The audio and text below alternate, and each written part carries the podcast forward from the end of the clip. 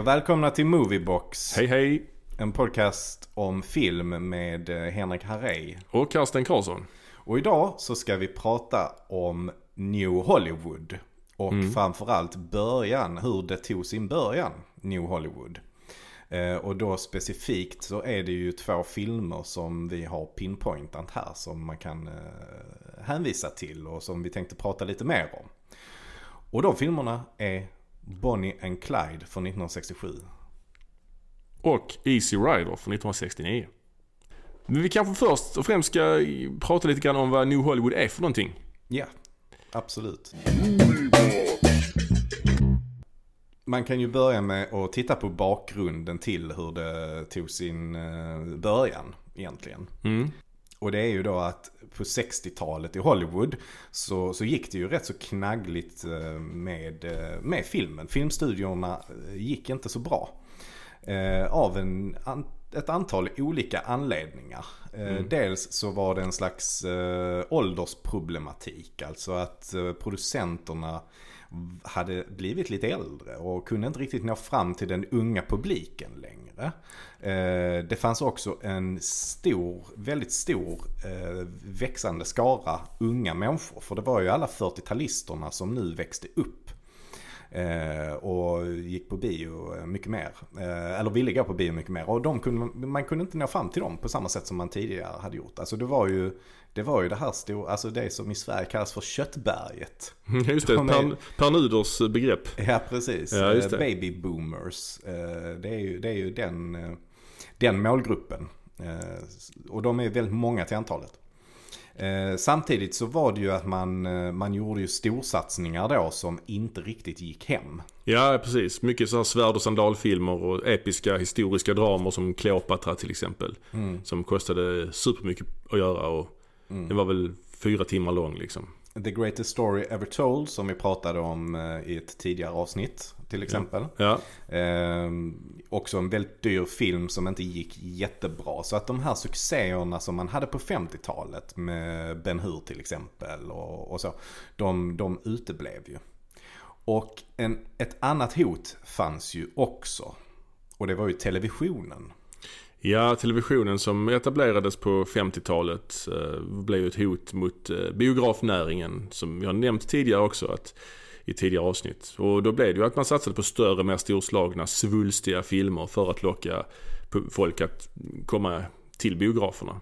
Men eh, det, framför allt så var det ju, som vi var inne på, en, eh, någon slags disconnect mellan studio, eh, filmstudiosen och publiken.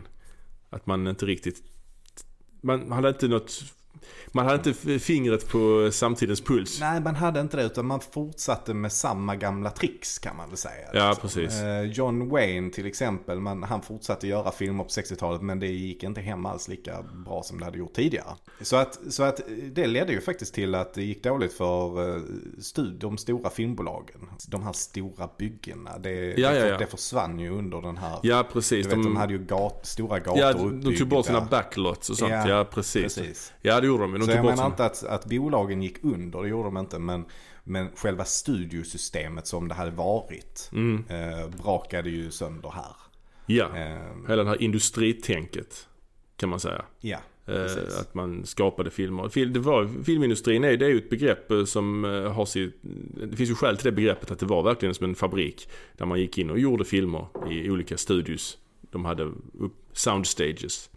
Mm. men, och det var ju producenterna som hade makten under studiosystemet kan man säga. Ja, ja, ja. Och i stor, i, i hög, väldigt hög grad så var det ju, funkade det ju så liksom att en producent eh, kände så här, okej nu behöver vi göra en svärd och sandalfilm. Ja, och då eh, kontaktade man en manusförfattare och så bad man manusförfattaren skriva ett manus på, på det här temat.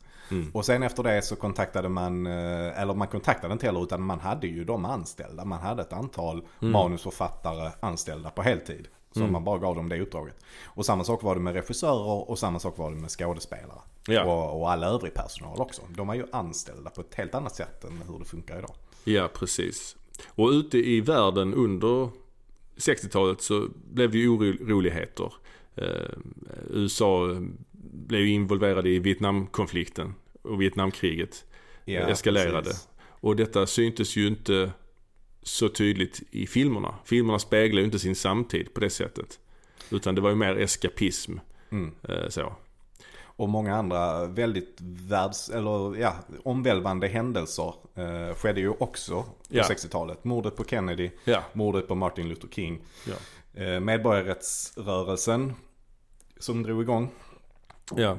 En väldigt stor vänstervåg spred sig framförallt eh, i Europa kanske, men kom ju till USA också. Jo precis och, och apropå Europa så i slutet av 50-talet och början av 60-talet så uppstod ju en väldigt inflytelserik filmrörelse i Frankrike. Den så kallade franska nya vågen. Med regissörer som Jean-Luc Godard och François Truffaut bland annat. Som skapade en helt ty- ny typ av film.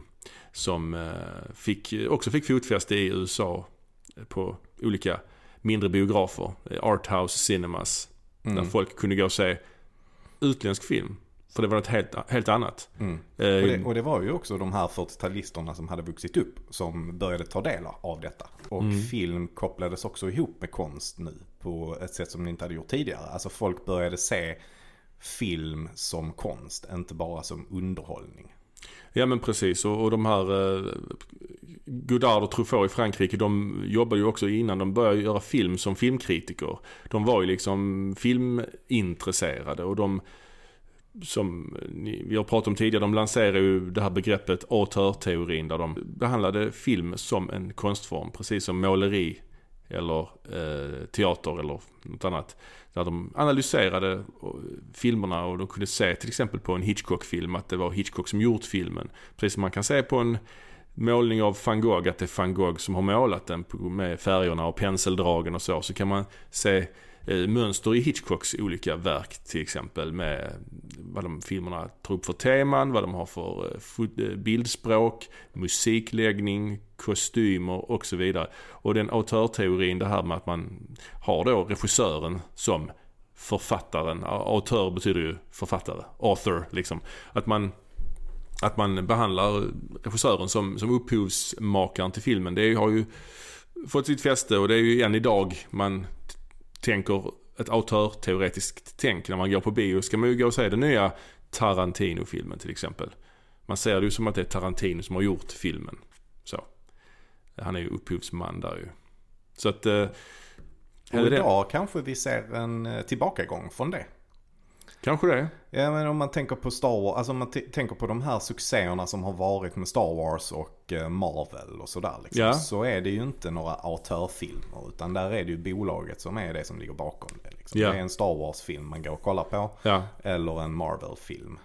Precis, och vi kommer göra ett, ett par avsnitt nu här om just New Hollywood. Hur det uppstod och hur det sen eh, dog ut. Så där kommer vi ju återkomma till just det här vi pratar, du pratar nu precis med Star Wars och Marvel och så vidare. Man kan ju tillägga där också att Mm. det var ju, det- smittade ju av sig. Så att eh, den här revolutionen inom filmskapandet eh, skedde ju på, eller den smittade av sig till fler ställen. I Sverige till exempel så kom ju Bo Widerberg fram under den här tiden Ja, på ungefär samma sätt. ja, Eh, Vilgot Sjöman och Jan Troell eh, Mm. var ju också. Svenskar där. Och i, i Polen så eh, skedde någonting liknande också. mm. Eh, eller i Östeuropa i stort kan man säga. ja precis. Och även då i USA fick fransmännen eh, stort, på, vad heter det? stort genomslag med sina filmer. Och inte minst på universiteten. Mm. på, det fanns ju filmskolor då. Som, där folk kollade på de här filmerna. Ja, en annan, en annan sak som också hände under den här tiden det var ju att eh, de, de här eh, drive-in biograferna som eh, växte fram på 40-50-talet. De fortsatte även in på 60-talet och de, de krävde ju en annan typ av filmer kan man säga. Lite lättsammare filmer. Vilket också gjorde att det växte fram independent studios utanför själva Hollywood-systemet. Eh, för att kunna ta fram den här typen av lite enklare, billigare B-filmer. Nej, men en av dem som eh, kom fram där var ju Roger Corman som skapade någon form av plantskola för väldigt många eh, regissörer. Ja, just det. George Lucas var ju involverad där, Francis Ford Coppola var involverad där. Ja, Peter Fonda och Dennis Hopper som vi kommer att prata om var, Ja. fick ju också sin start där kan man säga. Mm. Och det här New Hollywood då. för att återknyta till det begreppet, det var ju då alla de här unga filmskaparna som gick på utbildningar eller jobbade hos Roger Corman till exempel. Som då med inspiration från franska nya vågen ville göra filmer på sitt sätt. Alltså franska nya vågen, det som var specifikt med det var ju att de jobbade mycket i riktiga miljöer. De hade eh, inga stora skådespelare med utan det var ju filmerna var ju, var ju, var ju un, okända människor ofta som spelade huvudrollerna och så. Och de handlade ju om eh, saker som ungdomar brydde sig om. De slutade inte alltid lyckligt till exempel. Det var, det var inte liksom något kommersiellt i dem. Um, och det var mycket handkamera, mycket billiga produktioner, lätta att, eh, eller lätta och lätta men ja, mindre storslaget helt det var, enkelt. Det var ju lite DIY ja. Eh, över det kan Precis. man säga. Man, man, man grävde där man stod kan man säga. Behövde ja. man en extra skådespelare så gick man in på något café i närheten och frågade, mm. kollade ifall det fanns någon som såg intressant ut och frågade ifall de kunde tänka sig vara med. Man, liksom, de bara körde på. Och det här tänket var det många människor i USA som anammade. Och den här rörelsen då blev, har sen i efterhand blivit kallad för New Hollywood då. Eller uh, American New Wave säger vissa också. Mm. Um, och just i slutet av 60-talet så etablerades den. Att det kom, släpptes ett antal väldigt starka filmer mm. på kort tid som nu har blivit klassiker. Redan 1967 så kom ju både Mandomsprovet, The Graduate och eh, Bonnie och Clyde som vi ska prata om sen. Eh, 1968 släpptes ju Stanley Kubricks 2001 eh, Space Odyssey och Rosemary's Baby. Och 1969 så kom ju The Wild Bunch, Midnight Cowboy och Easy Rider. Så det var ju väldigt många starka filmer på kort tid. Eh, Midnight Cowboy vann ju dessutom Oscar för bästa film. Mm. Eh, så att det var ju väldigt eh, starkt genomslag där. Och, och de var ju väldigt autördrivna de här filmerna ju. Ja, absolut. Och det var ju många regissörer i, i USA eh, som slog igenom där. Eh, vissa av dem hade redan haft en karriär tidigare. Det var liksom, man kan säga att det var två olika vågor av kända regissörer, mm. amerikanska mm. regissörer. Eller vissa var inte ens amerikaner men de var verksamma i USA. Eh, den första vågen av regissörer var ju födda på 30-talet, ibland tidigare. Vissa av dem hade ju haft karriär innan men man kan ju nämna till exempel ja, Peter Bogdanovich, Francis Ford Coppola, Warren Beatty, Woody Allen, Stanley Kubrick. Han var ju känd innan men mm. det var ju först mm. här han började göra filmer som var lite mer experimentella kan man säga. Även om Doctor Strange då, visst den är ju rätt så. Mm. Men 2001 är ju något helt annat. Ja, nej, men jag håller nog Stanley Kubrick lite utanför detta för att eh, dels att han hade ju börjat göra egensinniga filmer lite tidigare. För att han, han var ju en director for hire på till exempel Spartacus. Men mm. efter det så bestämde han sig för ju att eh, nu får det vara nog, jag vill inte jobba på det här med mm. de här förutsättningarna. Jag ska ha all makt själv. Liksom. Och mm. sen efter det har han ju själv lite grann dikterat hur han ska, ja. Hur han ska jobba. Liksom. Så att, och sen dessutom under nya vågen, alltså i den new wave då i USA. Så var han väl bosatt i England under mm. största tiden där och gjorde filmer i England. Alltså ja, han gjorde absolut. Barry Lyndon och han gjorde Clockwork Orange och eh, Shining. Nej, ja, visst han är ju utanför. Men jag tror också, även om hans filmer fick ju det genomslaget så det blev väl också en del av det. Alltså filmerna som släpptes under 70-talet, Clockwork Orange, 2001, slutet av 60-talet. Att det blev ju också, det bidrog ju säkert. Men andra regissörer också från den här första vågen då var ju då Dennis Hopper, Bob Fosse, Mike Nichols, Arthur Penn, John Cassavetes, Alan Pakula, Paul Mazursky, Hal Ashby, Bob Raffleson, William Friedkin och Robert Altman. Så det är ju rätt många mm. namn mm. som eh, alltså redan eh, i början slog igenom. Mm. Och sen andra vågen var ju yngre, något yngre regissörer, sådana här boomers då. Som, ja, Spielberg till exempel ja. är väl uh, inkluderad där. Ja, och Scorsese och De Palma och George Lucas. John Milius. Mm, mm. Och även Terrence Malick. Mm.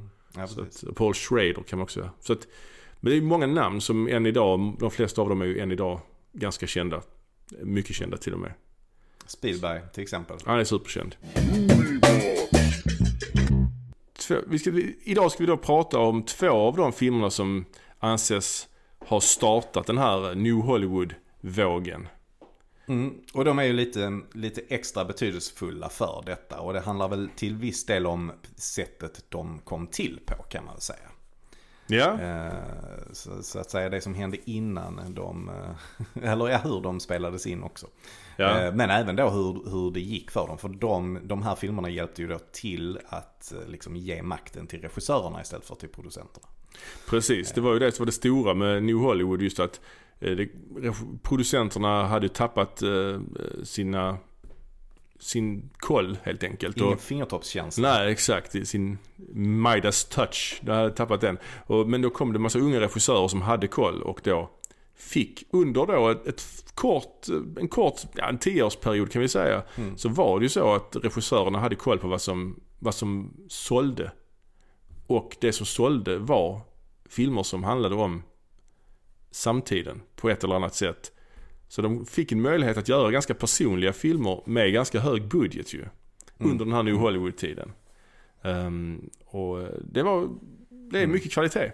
Mm. Eh, och ja, Och de här två första filmerna som vi ska prata om som är lite extra viktiga. De hade ju då kanske inte så hög budget. eh, Men de hjälpte ju till att liksom eh, bädda för att eh, det här skulle kunna, skulle kunna bli eh, som det blev. Och den första som vi ska prata om är ju då Bonnie and Clyde. just det, 1967 kom den. 1967 den är regisserad av Arth- Arthur Penn. Mm. Eh, och det är väl, man kan väl säga att det är väl urtypen för Lovers on the Run Mm.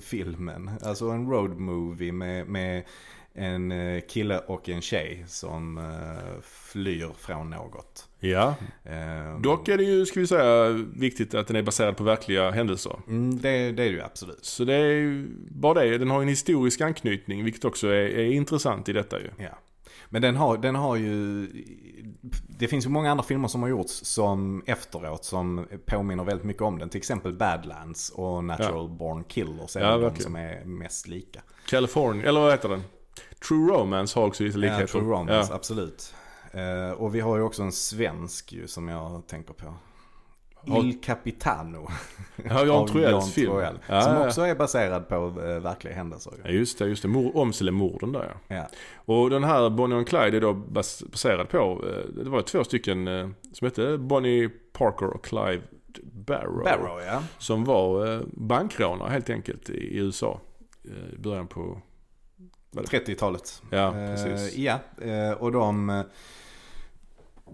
Clyde Barrow då, han startade ju upp The Barrow Gang. Just det. Och höll ju på där i, och terroriserade vilka, vilka delstater är det? Det är Oklahoma och Texas de, de Ja är i bland annat. precis. Ja primärt är det Texas väl i filmen. De är, hela filmen är inspelad i Texas också ju. Mm. Vilket som Mm. sagt. Som Nej, de är i Oklahoma också. Ja, det är de, ja. För filmen- det, ja. det, är lite det, som är, det är lite det som är grejen här med hur Ja. det gick till i verkligheten. Det var ju Aha. just det att de, de genomförde rån i en delstat och sen så flydde de ju över till en annan delstat. Och eh, då kunde ju inte polisen följa efter dem för de hade ju inte någon jurisdiktion just att liksom följa efter dem. Ja för det. på den här tiden fanns inte FBI nämligen. Ja just det, just det. Eh, och det är ju det som är lite intressant att FBI startades ju på grund av detta. Eh, Ja. Just för att kunna hindra sådana här situationer. Ja det är en problematik ju naturligtvis. Som det är i samma land men man kan inte ta tjuvarna. ja, och det har de, så har de ju fortfarande i USA vissa, alltså det här med sheriff till exempel. En sheriff Ja, kan väl bara röra sig under ett ganska begränsat, Ja. inom ett ganska ja det begränsat område. tror jag. Ja en, precis. en sheriff har ju Så bara... får verkligen bro- en biljakt får en bromsa när han når gränsen liksom. Är det Han kan, fortfarande så alltså? jag tror det. Ja, Ja, de har ju ja. så många olika typer. De har, de har state police och town police. Texas Rangers och ja, sånt. ja. Ja, nej, men, det, men på, på den här tiden, eh, 30-talet, så Mm. var det ju ekonomiska, ganska dåligt att leva kan man säga. Det var den stora depressionen. Ehm, och det fanns ju många andra eh, gangsters som också då eh, gjorde en karriär av, eh, av det. Dillinger till exempel och Mm. sådär. Så att det, det, det förekom ju många sådana här olika gäng. Ja, eh, Ehm, om vi tar, bara kollar på bakgrunden till själva filmen då som sådan så är den ju skriven av två stycken manusförfattare, eh, Robert Benton och David Newman. Och där kan man ju nämna att Robert Benton blev ju sen regissör. Och eh, gjorde ju eh, Oscarsvinnande Kramer vs Kramer. Så det är ju intressant eh, Mm. att han fick Mm. en sån stor karriär sen. Han vann ju Oscar för den och den fick Oscar för bästa film också. Nej. Så att eh, det är lite kul. Mm. Och de skrev även andra filmer tillsammans sen också under New Hollywood. Bland annat eh, den här What's Up Doc. Peter Bogdanovichs komedi med Barbara Ja. Streisand. Och de var också med och skrev Superman-manuset faktiskt också. Mm. Med Mario. Puzo Ja. 1978. Ja. Så att det är ju lite, lite ja, intressant, intressant Ja. att de fick sån karriär. Ja, verkligen. Men de, de var, var ju då journalister. Eh, jobbade på Esquire, eh, den här magasinet. Ja. Eh, och de hade då läst en bok båda två eh, om Dillinger. Och där fanns det en eh, text om Bonnie and Clyde också. Eh, där det stod Not only were they outlaws, they were outcasts. Och det var väl det som inspirerade dem till att eh, skriva det här manuset. Mm. Och de var också samtidigt väldigt inspirerade av franska nya vågen. Och Ja. ville skriva ett annorlunda manus. Ja, precis. Eh, så De älskade ju Breathless, eh, Abu de Souffle, Godards film. Ja. Och det märks ju i den här filmen. Den Ja. är ju väldigt inspirerad, det, är tydligt ju. Verkligen. Tycker jag. Men framförallt eh, Warren Beatty och ja, samspelet mellan Beatty och Dunaway då. Som vi kommer Ja. in på sen. Och tematiskt är det ju, finns det ju likheter också. Oh ja. ehm, ja. i, i handlingen. Ehm, mm, ja, men så att de frågade ju faktiskt eh, både Truffaut och eh, Godard fall eh, de kunde tänka sig att eh, eh, göra den här filmen. Ja. Eh, Truffaut var väl rätt intresserad men han hade andra projekt. Han hade den här Fahrenheit 451 som han skulle göra. ja, och han sa också det att det är ett franskt manus men då behöver ni en amerikansk regissör. Jag vet inte hur Ja. den logiken är men, men det, det är lite intressant ändå ju. Eh, men just, ja. Godard har jag hört också blev tillfrågad. Men Mm. det, det, jag, är, jag är inte hundra på det, men jag har hört det någonstans. Godard blev tillfrågad eh, och var också intresserad. Men han kunde bara tänka sig att göra den om den utspelade sig på vintern i New Jersey. Hmm. Men de var väldigt eh, hårda med att ah, men det här ska vara i Texas och Oklahoma för det är där det utspelar sig. Mm. Och då ska Godard ha sagt You talk about weather, I talk about cinema. Han verkar svår Godard alltså. Ja, Godard är- Supersvår. Det är, han, är, han är svår. Ja, men sen, sen var det ju i alla fall då att eh, Warren Beatty var på Cannes, tror jag, i, på festivalen där i Cannes. Och då träffade han Truffaut. Och diskuterade en, i alla fall de skulle göra något eh, filmprojekt ihop. Eh, och då tipsade Truffaut om det här manuset som han hade läst. Ja, precis. Och då kontaktade ju Warren Beatty sen Robert Benton. Han åkte hem till honom och ringde på. Ja, just det. Just bara knackade på dörren. Ja. Och så fick han eh, manuset och stack eh, hem och ringde direkt att ja, jag vill göra, att, att han har läst och jag, jag vill göra filmen. Han hade bara läst 20 sidor. Ja, och då, och då sa Robert Benton, läs lite till eh, innan du bestämmer dig. För eh, det är ju nämligen så att i originalmanuset så var ju han Clyde, han var ju bisexuell. Ja, det var, det var väl en del erotiska scener där. Ja. Och då läste han, han läste några sidor till och eh, ville ändå göra filmen. Dock var han ju själv osäker på om han skulle spela Clyde själv, Warren Beatty. Ja, nej det var, det var ju inte alls eh, tilltänkt. Han ville ha Eh, Bob Dylan ett tag i rollen. Ja, Bob Dylan ville han ha och sen så var ju hans eh, syster Shirley MacLaine var ju tillfrågad om att Mm. spela, eh, vad heter det, Bonnie. Ja, det var svårt då med kärleksscenerna. Ja, då hade han ju inte kunnat göra det själv. Nej, det hade blivit weird. Blivit weird. Konstigt. Men Warren Beatty, han är ju en liten märklig figur. Han är en udda filur, Han- han- verkligen. han, är ju, han producerar ju den här filmen också, vilket är ju ganska unheard of att han var skådis och producent. Ja, det är inte helt unheard of, det är, men det är ovanligt. Ja, det är ovanligt. det Han var- fanns ju Citizen Kane till exempel Ja, och Charlie Chaplin och så. Ja det är sant. Men de var ju ändå lite mer etablerade. I alla fall Ja. Charlie Chaplin. Han här var ju, han var ju mest, han var ju ganska ung här ju, eh, Beatty. Och Mm. eh, han var ju så här liksom en tvålfager eh, skådis. Och han ville ju verkligen ta sig ur det facket. Mm. Och så. Så han har haft en ganska intressant karriär där. Att Ja, han men har, han banade ju väg för, för det. Och det är ju väldigt vanligt idag. Att, eh, eller vanligt kanske är att överdriva. Men det finns ju ändå många skådespelare som Mm. producerar sina egna filmer. Ja, George Clooney ty- jag inte. Tom Cruise, Ja, oh ja, ja. Alicia Vikan- Vikander. Ja. till exempel. Eh, Och det handlar ju lite grann om att de själva vill kunna påverka vilka roller de ska kunna få och vem Ja. som ska regissera dem. För de kanske, så var det ju i alla fall i Warren Beattys eh, fall, att han, Mm. han ville jobba med vissa regissörer. Och då var det ju enklare om han själv var producenten, för då kunde han ju anlita regissören. Ja, och senare i sin karriär så regisserar han ju också. Mm. Apropå uh, Citizen Kane så gjorde ju han i början av 80-talet den här Reds. Mm. Där han blev väl nominerad både för skådespeleri, regi och manus och bästa film. Så det var Ja. samma person. För fyra olika ja. kategorier. Men det intressanta med hans karriär och jämför med, om man jämför Och det, med, han gjorde det med en film till ju. Ja, Bugsy. Nej, inte Bugsy. Nej, ehm, Heaven Can Wait. ja, Heaven Ja. Can Wait. Ja. Eh, Fick han ju också alla, nominering på alla fyra Ja, kategorierna. Men så man det är jämför, ju rätt extremt alltså. Ja, men om man jämför dem med till exempel Tom Cruise eller de du sa så är ju skillnaden på, på dem är ju att Warren Beatty han var ju, han gjorde inte så många filmer. Slår, han hade en ganska lång karriär men han, under de åren gjorde han inte så mycket filmer. Han Nej. gjorde ju mest sina egna grejer. Där han antingen producerade och regisserade eller något av det. Mm. Så att Ja, han har ju knappt, han har ju, efter år 2000 har han väl i stort sett bara medverkat i ett par filmer. Mm. Nu är han ju väldigt gammal, men ändå. Men det finns ju fler som är gamla som ändå gör Mm. filmer, alltså menar jag. Ehm, men han har gjort några filmer, han har gjort en film som heter Mickey One. Tillsammans Mm. med Arthur Penn tidigare under 60-talet. Som var Mm. väldigt så här, nya vågen inspirerad.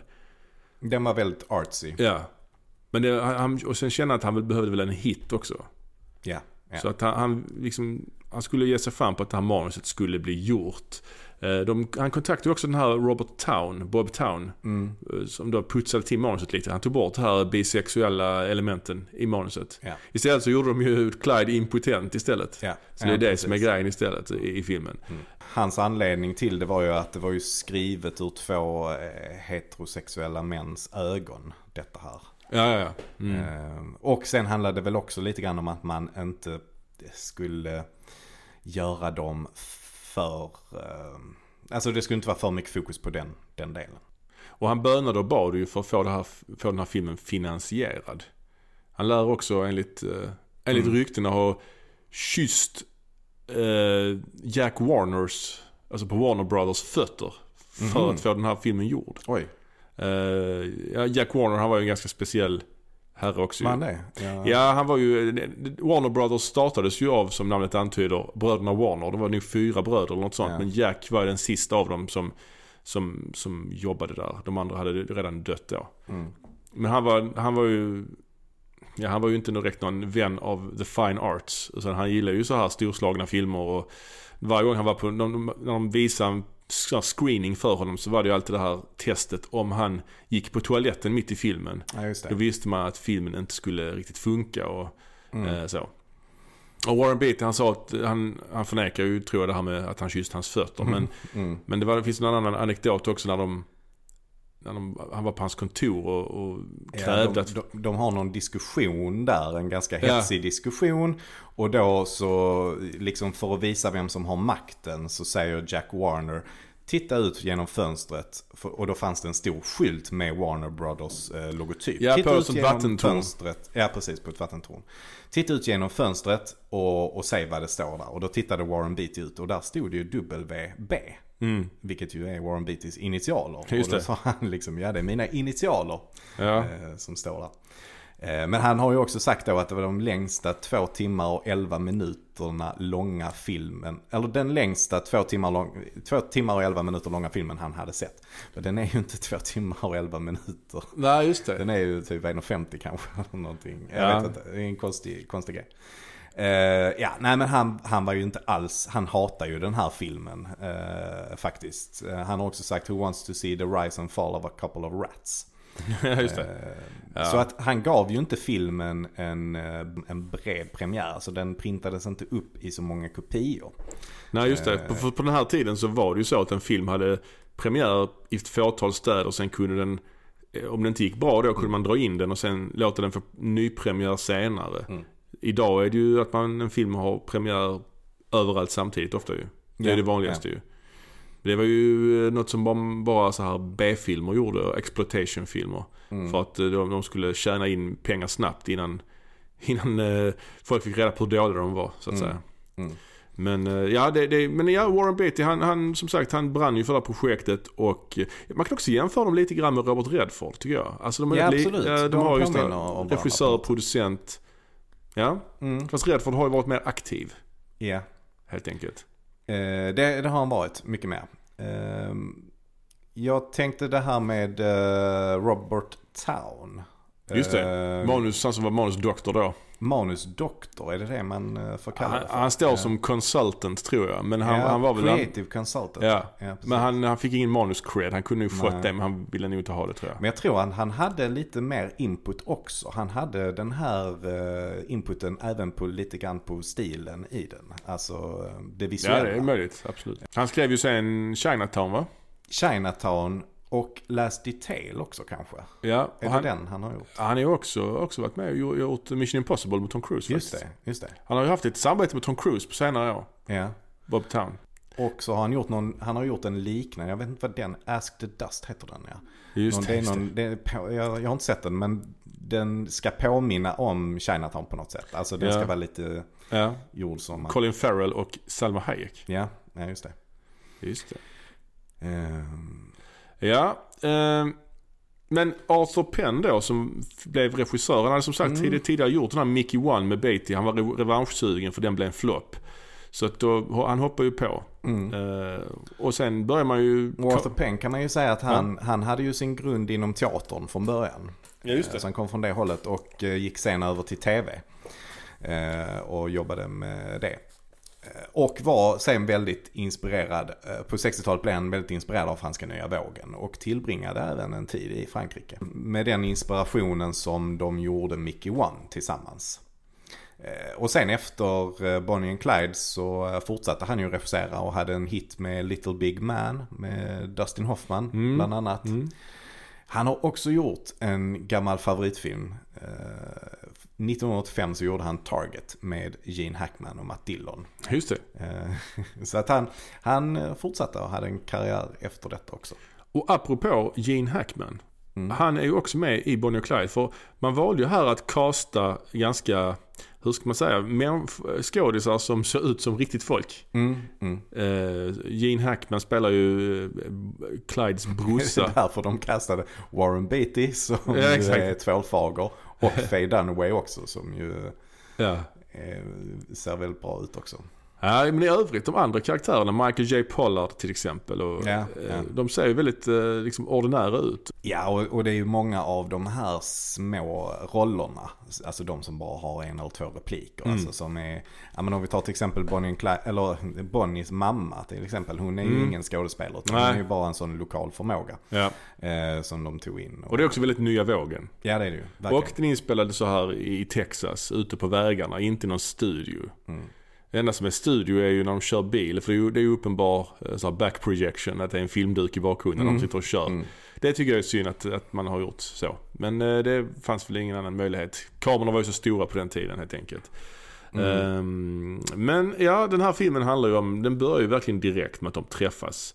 Eh, och det känns ju väldigt Abu de Souffle där. Han står där Ja. nere och försöker sno en bil och hon fångar och tar honom på bar gärning där liksom. Det är, en, det är 1931, det är den, Mm. under den stora depressionen. Ja. Det är en riktigt eh, solig eh, dag i Texas.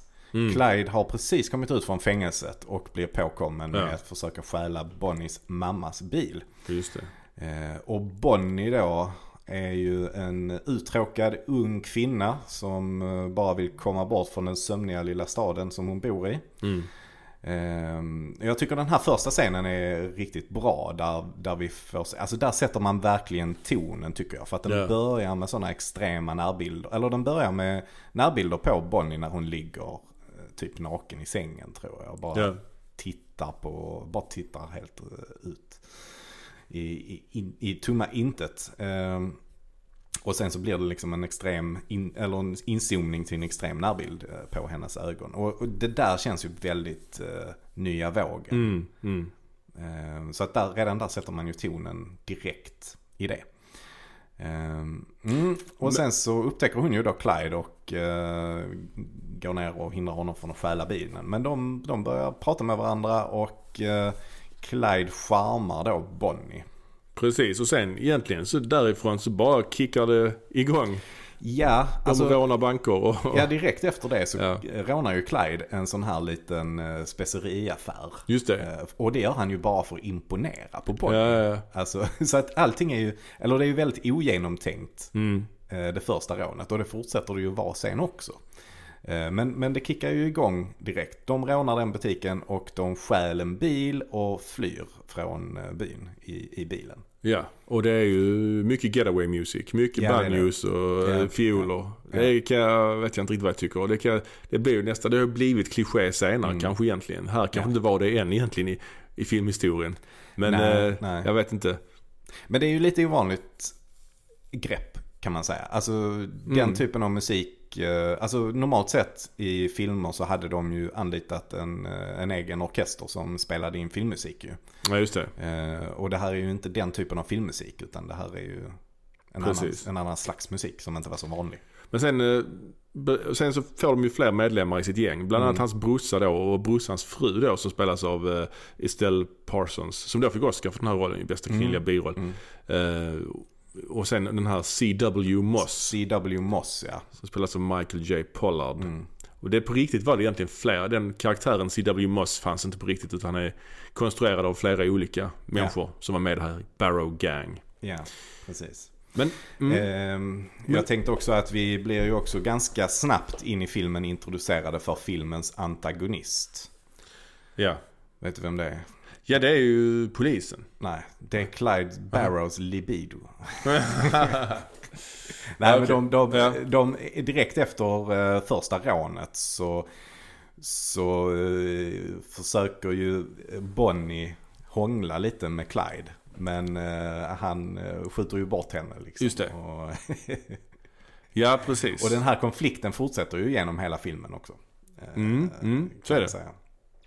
Ja, och, men annars är det ju att polisen är efter dem. Och polisen Ja. framställs ju antagonistiskt. Så att Mm. säga. Och, och det är ju, filmen är ju väldigt anti, anti-etablissemang. Och det ju- var ju inget som var vanligt på den här tiden. Nej, och det var ju inte heller tillåtet tidigare. Nej, just det. Alltså för om vi går tillbaka till de här gangsterfilmerna som gjordes på 30-talet. Den här är gjord 67, så att det här är inte så himla långt efter att de här händelserna inträffade på, i, verk, i verkligheten. Nej. Men om man går tillbaka och tittar på de här gangsterfilmerna som gjordes. För det, det var ju en ganska stor eh, genre. Eh, det fanns ju många stora filmer, alltså till exempel Public Enemy Number One och Scarface och, och så. Gamla Scarface ska vi säga. Gamla Scarface ja. Eh, Det var ju också våldsamma filmer och de blev ju beskyllda för att glorifiera gangstervärlden. Mm. Eh, Och det här bidrog ju då till att man i Hollywood skapade det som kallas för Motion Picture Production Code. Mm. Som ju är den här självcensuren som bolagen i Hollywood hade. Där man då satte upp eh, moraliska riktlinjer vid filmskapande. Som en av dem är ju till exempel att brott aldrig får löna sig. Alltså Ja. det får aldrig gå bra för den som begår något brottsligt. Och sen var det ju en massa, en massa annat också kring sexualitet och religion och så liksom. eh, Som, det fanns ett regelverk med vad man fick visa och vad man inte fick visa. Ja, det bland annat väl att eh, alltså en kvinna och en man fick aldrig eh, ligga i samma säng om de inte var gifta i filmen. Mm, mm. Och precis. om de inte var gifta så skulle en av dem ha en fot i golvet. Eller någon sån sjuka ja, regler. ja, ja, det är sådana jättekonstiga saker. Jag tror också eh, Hitchcocks eh, Psycho är den första filmen där man får se någon spola en toalett. Ja, Det fick man inte se heller, för det anses äckligt. mm, Så här är en närbild på en toalett som spolar. ja. ja, det är många märkliga saker. Ja, Men en, en viktig grej är ju att där, där är någon, någon paragraf där det står All criminal action had to be punished and neither the crime nor the criminal could elicit sympathy for, from the audience. Alltså mm. de som begår kriminella handlingar. Mm. Man får liksom inte visa det så att, det, så att publiken får en sympati för dem. Och det är ju, här i Bonnie Clyde är ju inte det, det är ju inte glasklart. Alltså här är det ju att man kan mycket väl känna sympati för Ja, dem. absolut skulle jag säga. Man kan också välja att inte göra det. Alltså Ja. Mm. det, är- det är ändå rätt så öppet här ju. Ja, det är det ju. Jag kan tycka personligen att ibland blir man lite trött, trött på dem. Likadant Mm. som man tittar på Natural Born Killers. Att de, alltså ibland Mm. verkar de karaktärerna rätt tröga. De sitter och Mm. håller sina kvasifilosofiska Mm. eh, resonemang, monologer fast de egentligen bara rånar banker och är våldsamma egentligen. Ja men det finns ju ett spann här. Alltså Ja, om, man, ja. om man tar True Romance till exempel. Då har man ju i allra högsta grad sympati för Ja. eh, huvudrollerna där. Ja, för de är mer jagade kan man säga där. Ja. Ja. Eh, och jag skulle väl säga att i Bonnie and Clyde ligger det, det, närmare, det, det ligger närmare eh, True Romance än Natural Born Killers. ja, det kan man väl säga. Tycker jag. I Mm, alla fall. Eh, Men jag har ganska mycket sympati för dem. Alltså för, att, för att det är väl ändå att de har, vad ska man säga, de begår ju hänsynslösa brott och skjuter personer i ansiktet och så Mm. till exempel. Eh, Men de har ju samtidigt själva en idé om att de gör gott på något sätt. Att de, inte, att de, att de utför victimless crimes. Och det är ju märklig, eh, märkligt resonemang. Ja, ja. Men, men jag, Mm. jag uppfattar det ändå så att de, de, de ser det inte så. Alltså de, Nej. de ser ju sig själva som, alltså bankerna på den här tiden ser dem som onda. Mm. Liksom. Mm. Och det är ju Och jobbar man på en bank är man uh, ondskans hantlangare. Ja, det är ju intressant. Och just också som sagt att polisen är också ondskefull i, i deras ögon. Och, och att vi ska då som publik ställa oss på deras sida. Och det var ju säkert eh, oerhört eh, starkt 1967. Mm. Och när du var inne på det här med att de skjuter folk i huvudet. Just våldet i filmen blev väldigt omskrivet. Där är ju, Mm. Det fanns ju också en sån här regel att man inte fick lov att visa om någon blev skjuten. Man fick inte lov att visa att någon blev skjuten i en, en frame. Utan tvunget vara ett klipp Mm. bild på pistolen, pang och sen klipp till den som blev skjuten. Man fick aldrig visa det i samma bild. Men här är det ju att han de, ut, de kommer ut från en bank och hoppar in i bilen och kör och en kille hoppar upp på bilen. Och då tar Clyde sin pistol och skjuter honom rakt i huvudet. Mm. I samma bildruta. Och det är ganska blod i, liksom i ansiktet. Och klart det är inte alls så våldsamt som det är om man skulle se en sån scen idag. Med dagens eh, möjligheter och effekter. Men, men det är ändå 1967 måste det varit oerhört grafiskt ju. Mm. Mm. Och sen är det ju också att de, eh, de njuter ju också lite grann av att göra sina offer till åtlöje. Ja just det. Eh, De tillfångatar ju till exempel en eh, polis eller en Texas Ranger vid något tillfälle. Ja. Där de ja, förnedrar honom. Ja, och- hon hånglar lite med honom sådär. Han är fastbunden liksom. Och, Mm. eh, Bonnie håller på och kysser honom och sånt. De tar foton med honom och Ja, skickar till tidningen och sånt. Mm. Och hon Eh. blev lite som modeikon också här ju. Faye Dunaway, den här, den här baskern hon har på sig. Ja, Det blev ja. lite eh, så eh, modernt vid den här tiden. Ja, precis. Eh, Ja, men stilen kan man ju säga. Alltså de, den är ju oerhört stylish, eh, Mm. hela den här filmen. Ja. Eh, och de blev ju båda två stilikoner efter detta. Ja. Och det är ju allt från deras garderob till liksom alla poser och, och looken de har. Mm. Eh, och sen så, så var det ju i verkligheten också. Att de jobbade ju ganska mycket med sitt personliga varumärke innan ens det här begreppet fanns. Ja, För okej, att de, ja. de gjorde ju så på riktigt också, att de tog, tog bilder. Det vill jag minnas i alla fall. Ja, Bonnie och Clyde själva ja. Ja, att de ja. gjorde det. Ja. Där de står och posar med vapen och har en cigarr i, Ja. I munnen. Och, och det var ju väldigt ovanligt också på den tiden att kvinnor rökte överhuvudtaget. Mm. Eh, så att, eh, att Bonnie gjorde det och tog en bild av det. Det var ju, var ju bara den lilla grejen var ju också rätt stort att hon... eh, Och det, och det tydligen var någonting som hon ångrade sen. Alltså det riktiga Bonnie pratar om nu. Ja, Bonnie ja, ja, å- precis. ångrade det. Ja. Att hon hade blivit eh, fotograferad med en cigarr i munnen. Ja, det var det värsta hon hade gjort. ja, ja, nej, men hon, ja, hon, hon tyckte, tyckte det var, var dåligt.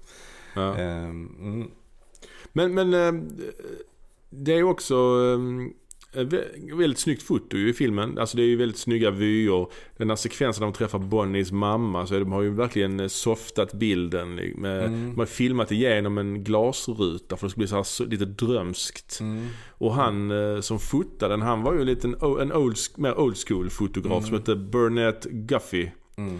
Och han gillar ju inte den här filmen egentligen. Han, Han har, tyckte han, inte alls om Nej. eh, att han blev tillsagd till att göra de här eh, konstiga vinklarna och Nej. zoomningarna och sånt. han hatade det. Ja, Men eh, han fick ju sen Oscar för bästa foto.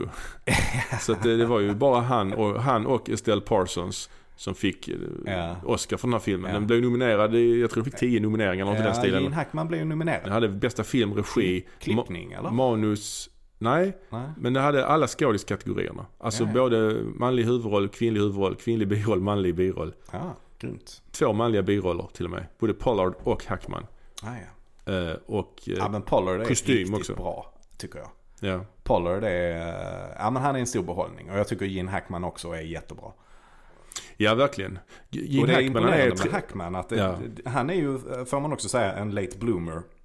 Ja, han är väl Fan. 37 här eller något i den stilen. 37 här ja. Ser ut som 57. Ja precis. Och det här är väl ändå inte hans allra första roll. Men det är, man får ändå säga att det är hans genombrott ju. Ja, Eh, detta. Ehm, han är, han är riktigt bra. En annan som gör en liten roll är Gene Wilder. Eh, känd från Mel Brooks filmer. mm, han, hans eh, första roll. Ja, hans första roll. Han och hans flickvän i filmen blir ju ja, de blir väl hal- halvt kidnappade av Bonnie och Clyde kan man väl säga. De hänger med dem en liten bit. Mm. Men de blir sen utkastade ur bilen när han berättar att han är så här begravningsentreprenör. Då vill de inte ha med honom att göra Nej. längre. De är sjukt många i den här bilen också. De är så här åtta pers i en bil. Det är galet till, trångt alltså. Ja. Gene Wilder, vet, eh, alltså han, det känns lite som att han eh, har försvunnit ur folks medvetande kanske. Han var ju stor på 80-talet. och Ja, och 70. framförallt 70. Ja, Han gjorde väldigt mycket med Mel Brooks. ja det gjorde han ju. Ehm, och han gjorde ganska många samarbeten med Richard Pryor. Ja, precis. Hör upp blindstyre Mm. till exempel. Mm. Sen var han ju med också i Kalle Chokladfabriken på 70-talet. Och det måste väl vara hans, eh, det är det han är mest ihågkommen för kanske. Ja, den och kanske då antagligen eh, alltså Det våras för Frankenstein och Det Mm. våras för sheriffen. De två Mm. Ja. Eh, är väl hans mest... Men nu, nu i det, nu har det kommit en ny version på, all, eller Kalle, Kalle och chokladfabriken ju. Ja, precis. Så frågan är ifall, om man, om man frågar någon som är i omkring 20 år Mm. idag. Mm. eh, Vem som spelar huvudrollen i Kalle och chokladfabriken. Så tror jag de säger nog Johnny Depp. Ja, det tror jag nog. Han gick väl bort bara för något år sedan. eh, Mm. Gene Wilder, tror jag. Mm, Så... det stämmer. Men Gene Hackman däremot är fortfarande vid liv. Ja, det är han. Men han 90 är... år. Ja, han har ju dragit sig tillbaks från... Han gör ju inte film längre. Nej, nej, Eh, och det har ju inte Warren Beatty heller, höll jag på säga. Nej, Han har ju inte gjort någon nej. film på rätt länge alltså. nej. Eh, Nej men Gene Hackman har ju varit, eh, han har varit, vad heter det, pensionerad ganska länge. Den mest kända scenen i den här filmen är väl nog ändå slutscenen. Ja, Skulle jag tro. det är det ju. Det, Det, är ju, de blir ju, det är ju så att Bonnie och Clyde, de tar ju skydd hemma hos den här Moss pappa.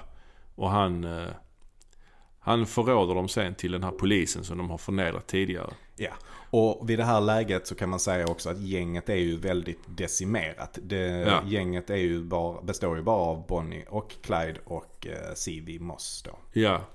Och eh, sen är det ju den här klassiska scenen där de stannar vid vägkanten. Den här Moss pappa eh, vinkar in dem och sen hukar han sig. Och de, Mm. Han slänger sig under bilen. Han slänger sig under bilen och de, Bonnie och, både Bonnie och Clyde tittar mot ett, något buskage mitt emot. Och det är snabba, snabba klipp mellan deras ögon. Och sen så brakar det loss med en jävla massa kulsprute Mm. eld. Ja, det är extremt alltså. Det är ultravåld. Mm. och de och, ju... och det är ja, snabba klipp och det är lite slow motion i de klippen Ja. också. Eh, ja, och det, och det är också första gången som squibs används. Ja, ja. Sådana små eh, blodfyllda kuddar man har under kläderna som sprängs. För att visa att man blir skjuten. Ja, så att de är ju kopplade då. Man, man fäster dem på kroppen Mm. under kläderna och så är de kopplade med en elektrisk eh, sladd då liksom. Mm. Så, Du har haft sån på dig några gånger? jag, har haft det, jag har haft det på mig. Det är inte skönt kan jag säga. nej. Alltså men det är faktiskt eh, den, den här lilla sprängladdningen den, Ja. den bränner till lite. Så man får lite blodsmak i munnen av det och sådär. Så att jag är inte avundsjuk på Warren Beatty där. För han har Ja, rätt måste många, många. på sig. Mm. Jag minns att du alltid var bakfull också varje gång du gjorde detta.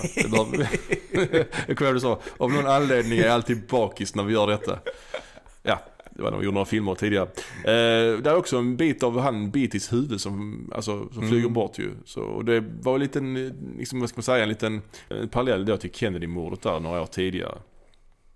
Mm. Eh, Mm. Så att den här scenen är ju verkligen slutscenen. De blev, och sen är det bara tyst, de ligger kvar. Han ligger, hon ligger ju ut genom bilen, dörren och han ligger framför bilen på marken. Helt genomborrad av kulhål liksom. Sen Ja. bara slutar filmen. Alltså det känns väldigt realistiskt alltså. Att det är... Ja, det är ingen hjältedöd så att säga. Nej, exakt. exakt. Och det ja, nej, men det är mycket, där är det ju riktigt grovt grafiskt våld. Mm. Ehm, vilket ju även förekommer i andra sekvenser också men, Ja. inte så mycket som Ja. där. Eh, det påminner lite om en scen i Gudfadern också ju. Ja, precis. James Caan där ja. Mm. Ännu fler squibs där tror jag. Ja, han slog något rekord i Ja. antalet squibs eh, har jag hört. Ja, precis. Men den här filmen den fick ju inte sådär jättebra kritik först när den släpptes. Nej, många kritiker var direkt negativa Ja. och sa att det var riktigt dåligt. Men det var ju en kritiker eh, som gav den fin kritik och det var ju då Pauline Kael som är väl mest, kanske den mest kända kritiker, ja den, den mest kända kritikern från den här tiden. Hon skrev ju i The New Yorker bland annat. Och hon gav den bra kritik, en bra recension. Och eh, hennes recension fick ju andra kritiker att ändra sin uppfattning om filmen. Ja, och vissa valde att... Ja, och sen så blev det ju så att folk bli, blev arga egentligen på de kritikerna som gav den negativ kritik. Mm. Eh, och vissa ville ju inte ändra sig. Men det ledde ju sen istället, alltså jag vet att någon i alla fall fick sparken. Eh, just för att de var så oerhört negativa och inte kunde förstå varför, Nej. vad det fanns som var bra med den här. på den här tiden var ju filmkritikerna en del av själva den här rörelsen kan man säga. Alltså filmkritik var också någon slags konstform kan man säga. Mm. Det var helt, helt annat än vad det är idag. Så eh, Paul, hon var ju, Pauline Kael till exempel var ju en opinionsbildare som hade ett stort genomslag i, i den kulturella världen. Så att eh, hon var ju också, hon kämpade ju för att de här filmerna som hon så ansåg var bra skulle få det utrymmet de förtjänade. Så hon kämpade ju, hon var ju en viktig figur också i den här New Hollywood-vågen. Mm. Men jag har fattat det som att när den gick upp först i USA så fick den en ganska begränsad upplaga. Och den fick ju framförallt negativ kritik. Men sen kom den till Europa och där gick den jättebra. Ja, Vilket gjorde att den fick en andra våg Ja. i USA. ja precis. Det är typ så jag har fattat det i alla fall. Och det var ganska, jag tror den andra premiär, eh, den här andra releasen var relativt nära Oscars eh, nomineringarna. Ja. Och då fick den sina nomineringar sen ju. Ja. Ganska många. Och då blev det ju klart att då var det en hit. Mm. Ja, slutligen då, vad, vad tycker vi? Vad tycker du om den här filmen? Ja, men- Idag så att säga. Ja men jag tycker att den har eh, ett rätt bra bruksvärde. Jag tycker den är rätt intressant att kolla på. Ja men det är den, Eh, absolut. Den är, den är 1,50 lång. Den, den känns inte för lång. Det finns vissa sekvenser där den eh, känns lite långsam. Men jag tycker framförallt första akten egentligen är jättebra. Alltså där han träffar, där, ja, där vi introduceras för dem och alla, alltså Barrow-gänget byggs upp egentligen. Där alla karaktärer introduceras. Den tycker jag är jättebra. Och det påminner, just i början påminner ju mest också om franska nya vågen kan man säga. Ja, Sen blir det ju mer och mer en gangster, eh, jaktfilm så att säga. Ja, precis. Eh, Så att, så att det är ju framförallt, eh, framförallt första delen som jag tycker är, är bra. Sen så uppskattar jag ju att titta på, de är ju väldigt snygga och har, är, har ju väldigt eh, fina kläder liksom. Och Ja. det, jag, jag tycker den är väldigt snygg på det sättet. Det är också starkt där när hon, hon Parsons då, frun till Gene Hackman. Hon blev ju skjuten och skadad i ögonen så hon blev blind ju. Det är ju starkt. Mm, mm, Och hon blev fångad sen av polisen och satt, Mm. sätts ju på någon, någon slags... eh, Ja hon sitter ju fängslad. Mm. Med så här eh, bandage över ögonen och, och han den här sheriffen som de har förne- förnedrat tidigare kommer in och hämnas. hämnas liksom, Mm. skrämmer henne och skriker hennes öron. Han säger- Hon säger inte att han är där och hon blir helt chockad ju. Så att, Ja. jag kan ju förstå att hon fick eh, Oscar då för, för detta. Mm. Absolut. Och jag tycker samma sak med Gene Hackman när han blir tillfångatagen.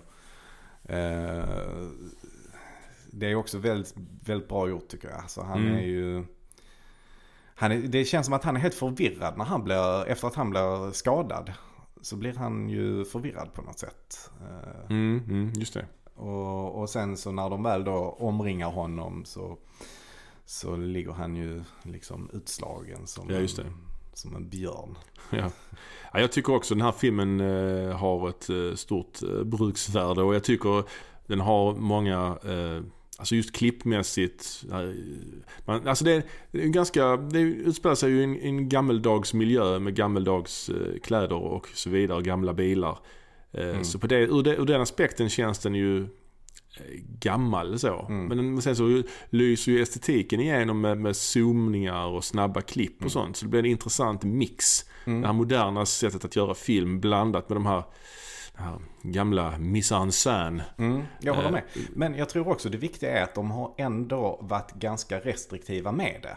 De har ju inte gått all in som man Mm. Nej. gör i Till sista andetaget. Nej, eller alltså, Midnight det, Cowboy eller något sånt. Nej. det är väl inte jump cuts till exempel eh, som det är i Till sista Någon gång tror jag det är det, men det inte alls så mycket naturligtvis. Det är ju inte så att man stör sig på det. Så att jag tycker att i och Mm. med att de hade den här fotografen som ville göra den alla classical Hollywood style. Mm. Ehm, Så, har den, så är den en slags mix mellan det gamla och det nya. Vilket jag tycker funkar bra faktiskt. Ja, det gör det. Ja, det gör det. Absolut. Uh, jo, jag tycker den är, den är Mm. sevärd. Nej, men jag tycker den är sevärd och den funkar att se om idag. Och ur ett konstnärligt perspektiv så tycker jag också att den är väldigt viktig. Ja. Ska vi prata om nästa film?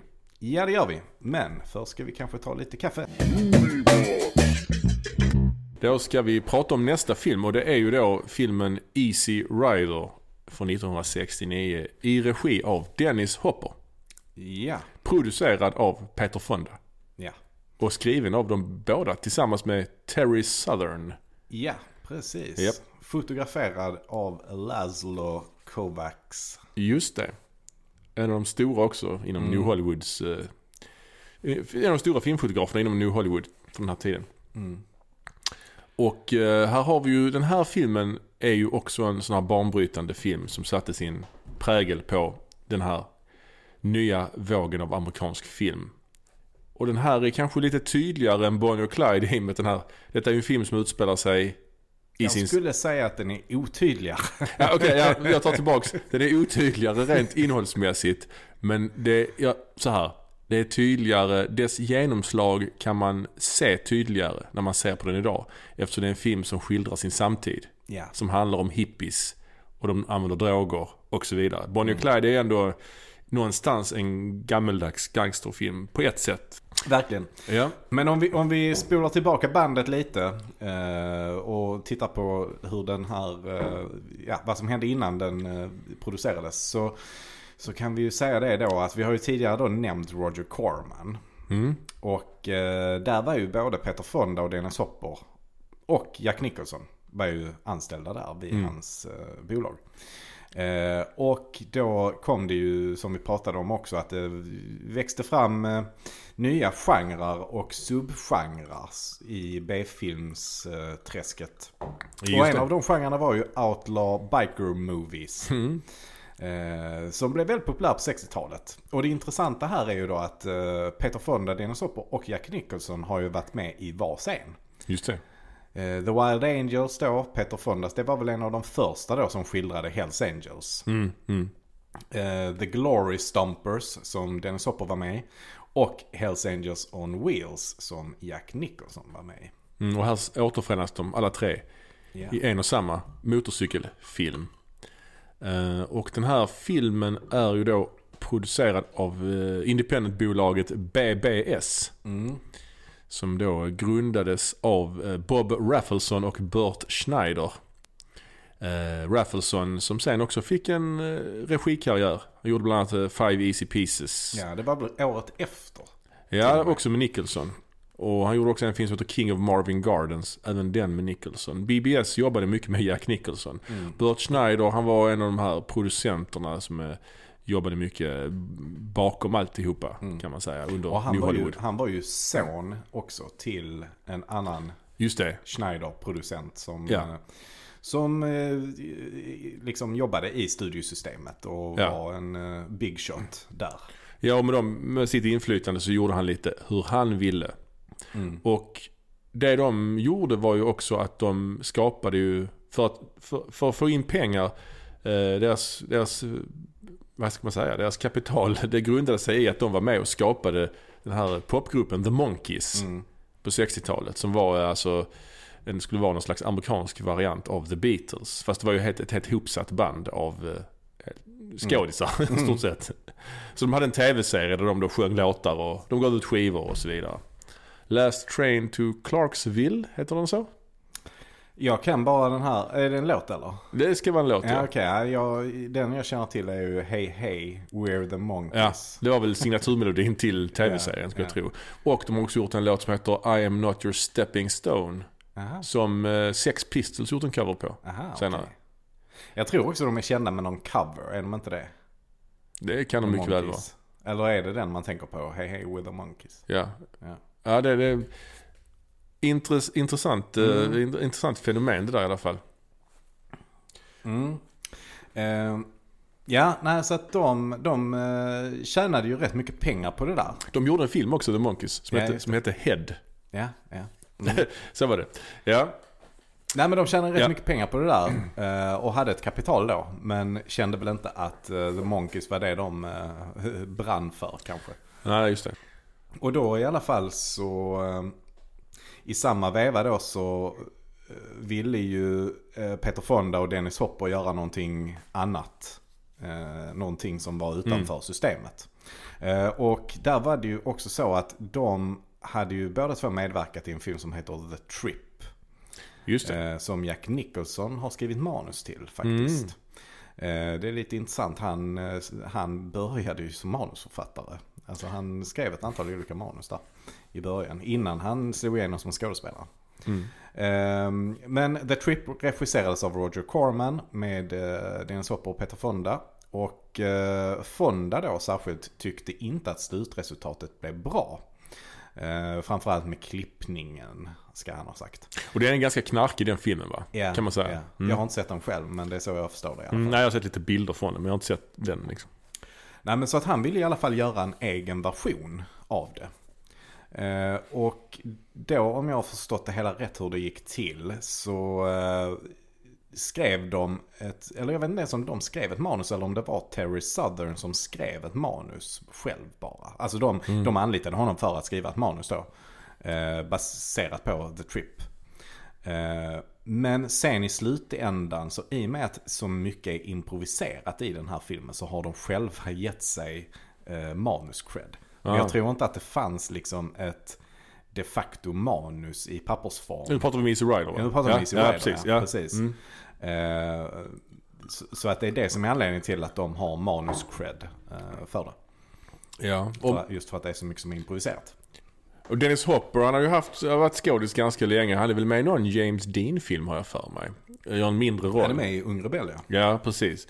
Och, och Peter Fonda, som namnet antyder, han är ju, apropå kända pappor, han var ju son till Henry Fonda. Ja, Så han, är ju Hollywood royalty Han egentligen. är Hollywood Elite. Och bror till. Jane Fonda, ska vi säga. Definitivt.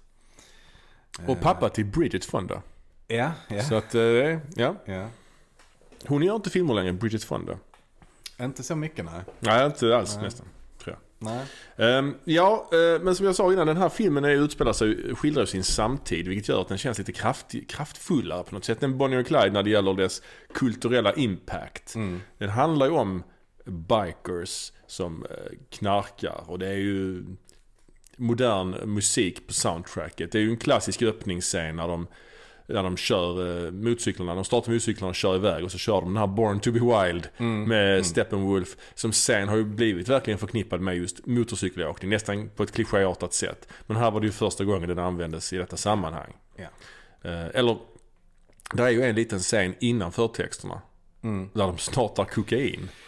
Eh, Det är ju ganska starkt. Alltså det första de gör, de, det är ju en droghandel. De, ja, de, de köper droger där. köper droger, I, i testar- Mexiko ja. är de ju. Mm. Och köper knark. Av, Ja. av ett sånt mexikanskt gäng som är lite ja. halvsuspekt. Och där de provar de, han provar ju knarket. Ja. Alltså liksom testar, Ja, de, de, snottar. testar det, Ja. de testar det först. Ja. Sen kör de ju över gränsen, uppfattar jag det att det är, Ja. eh, till en flygplats. Och där ska de ju då sälja det till Phil Spector. Just det, Det just det. lite- han är kul. också med. Och då provar ju Phil Spector det också. Så att det snortas ju rätt mycket kokain där i Ja. de första inledande fem minuterna innan förtexterna har börjat rulla. Och detta är ju ganska, och som sagt detta är ju väldigt, detta är ju kontroversiellt nästan idag. Inte, Ja. inte så farligt men Nej, är på den här tiden är det ju Ja, det är mycket det. kontroversiellt. Ja men det är det, absolut. Det är det. Särskilt eftersom vi pratar om det här med the production code. Ja. Eh, Så var ju detta definitivt ett brott mot det. Ja, visst. Ehm, men, men så de, de säljer det till Phil Spector. Så han ser rätt lurig ut Phil Spector alltså. Han var rätt lurig, har ju framkommit senare kan man ju lugnt säga. Ja, vad är det han är? Han sköt väl någon kvinna, sitter väl inne för ja, mord. Ja, ja. Och vad är han, är det Motown han var med och skapade soundet? Eller? Nej, eh, Wall of Sound. Han jobbar med Beatles. Ah, så är det ja. Wall det. of Sound. Wall of Sound. Ja, Vad mycket. innebär det då? Att det är en, som en vägg av ljud va? Nej men det, är, ja, men det är väl många grejer på en gång. Många kanaler. Många Mm. olika instrument samtidigt. Ljudmatta. En ljudmatta. Detta, jag, är ingen, jag är ingen expert på detta men det är min Mm. lekmannatolkning av Wall of Sound. Mm. Men han stoppar ju pengarna i bränsletanken på sin motorcykel. Ja, det gör han.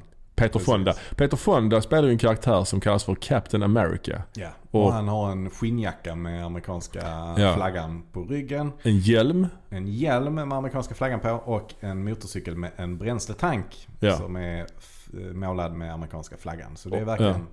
Och han stoppar ju ner pengarna som en rulle i det här bränsletankhålet. Mm.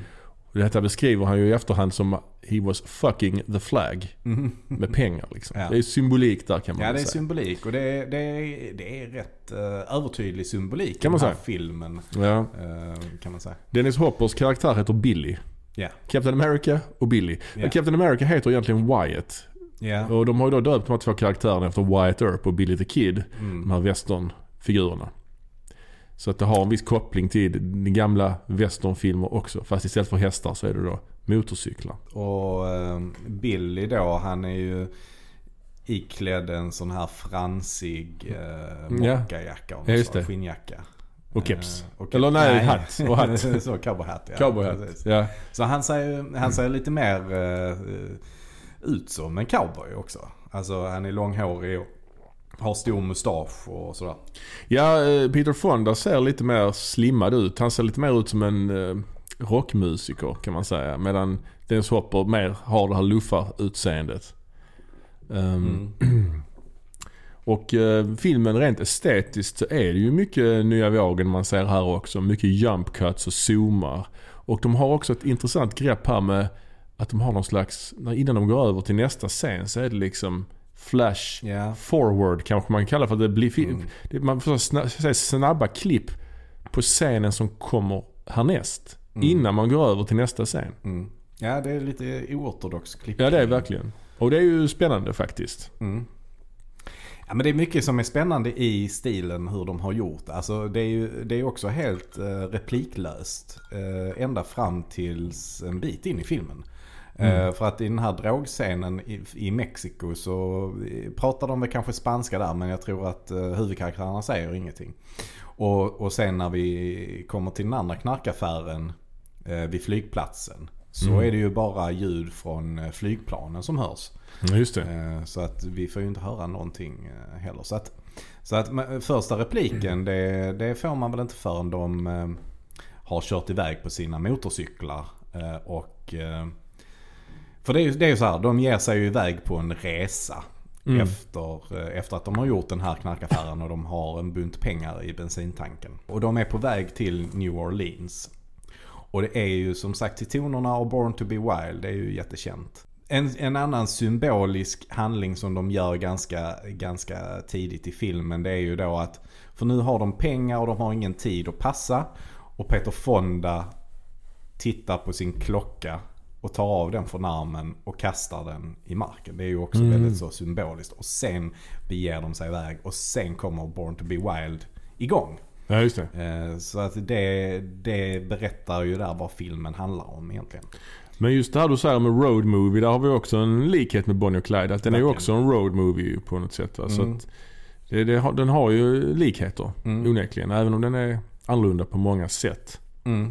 Ehm, Och sen så går det ju egentligen ut på att de, de är på väg till New Orleans och vi får se dem stanna upp på vissa anhalter längs vägen. Där de träffar eh, olika människor då. Ja, de plockar först upp en snubbe Ja, som... eh, det första stoppet är egentligen att de, eh, för att de, de, eh, de blir nekade att hyra ett rum och då får de käka middag hos en sån här ranchägare. Ja, just det. Och, och ja, Peter Fonda berömmer honom ju verkligen för att han liksom lyckas leva där eh, frånskild från resten av samhället i sitt, i sitt eget hus. Mm. Eh, och, så. Eh, och sen efter det så plockar de upp liftaren Just det. och följer med honom till hans hippieby. Ja. Är det ju, egentligen. ja, just det. det är ju en Detta är ju en hippiefilm. verkligen. Ja, det får man är- verkligen säga. det- ja, ja. Ja. Eh, Så att de kör upp där i bergen och eh, stannar till i hans eh, hippieby. Och där är ju ett segment också som känns rätt europeiskt tycker jag.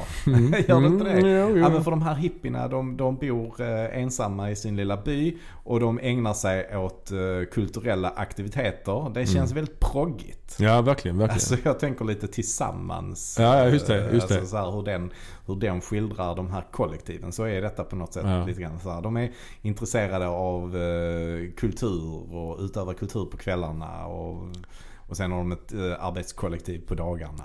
De skulle kunna göra en, en och annan batiktröja. ja precis. Skulle man kunna göra.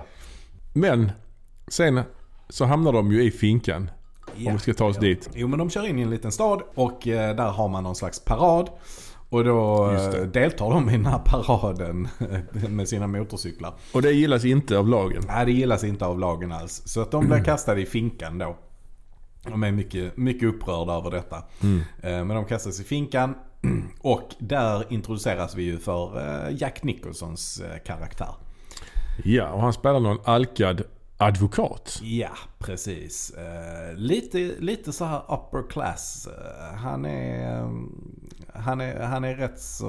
eh, Vad ska man säga? Det, man, det antyds att han har, alltså hans pappa har någon slags makt. Så hans pappa Mm. kanske är guvernör eller um, borgmästare i den här staden eller någonting sånt. Mm.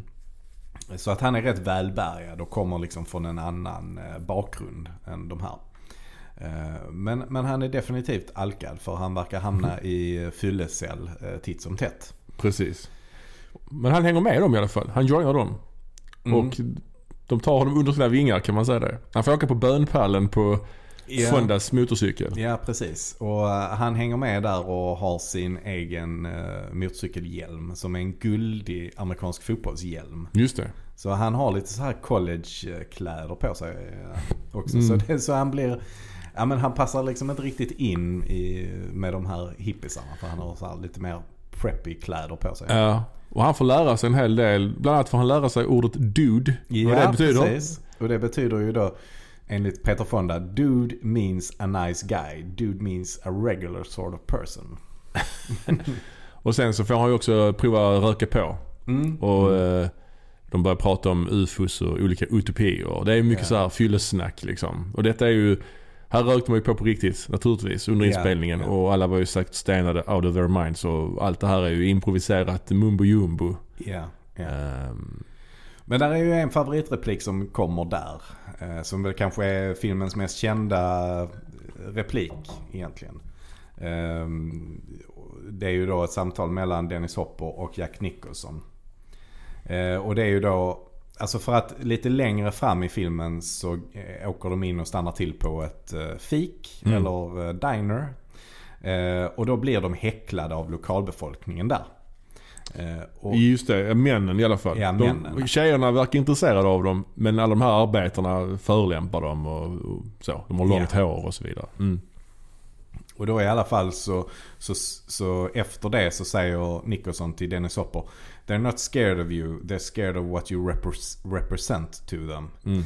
Och då svarar Dennis Hopper Hey man, all we represent to them man is somebody who needs a haircut. Oh no, what you rep- represent to them is the freedom. Of course you don't, nu förkortar jag det lite här. Of course you, you don't ever tell anybody that they're not free. Cause then they're gonna get real busy killing and maiming to prove to you that they are. Mm. Det lät lite knaggligt kanske.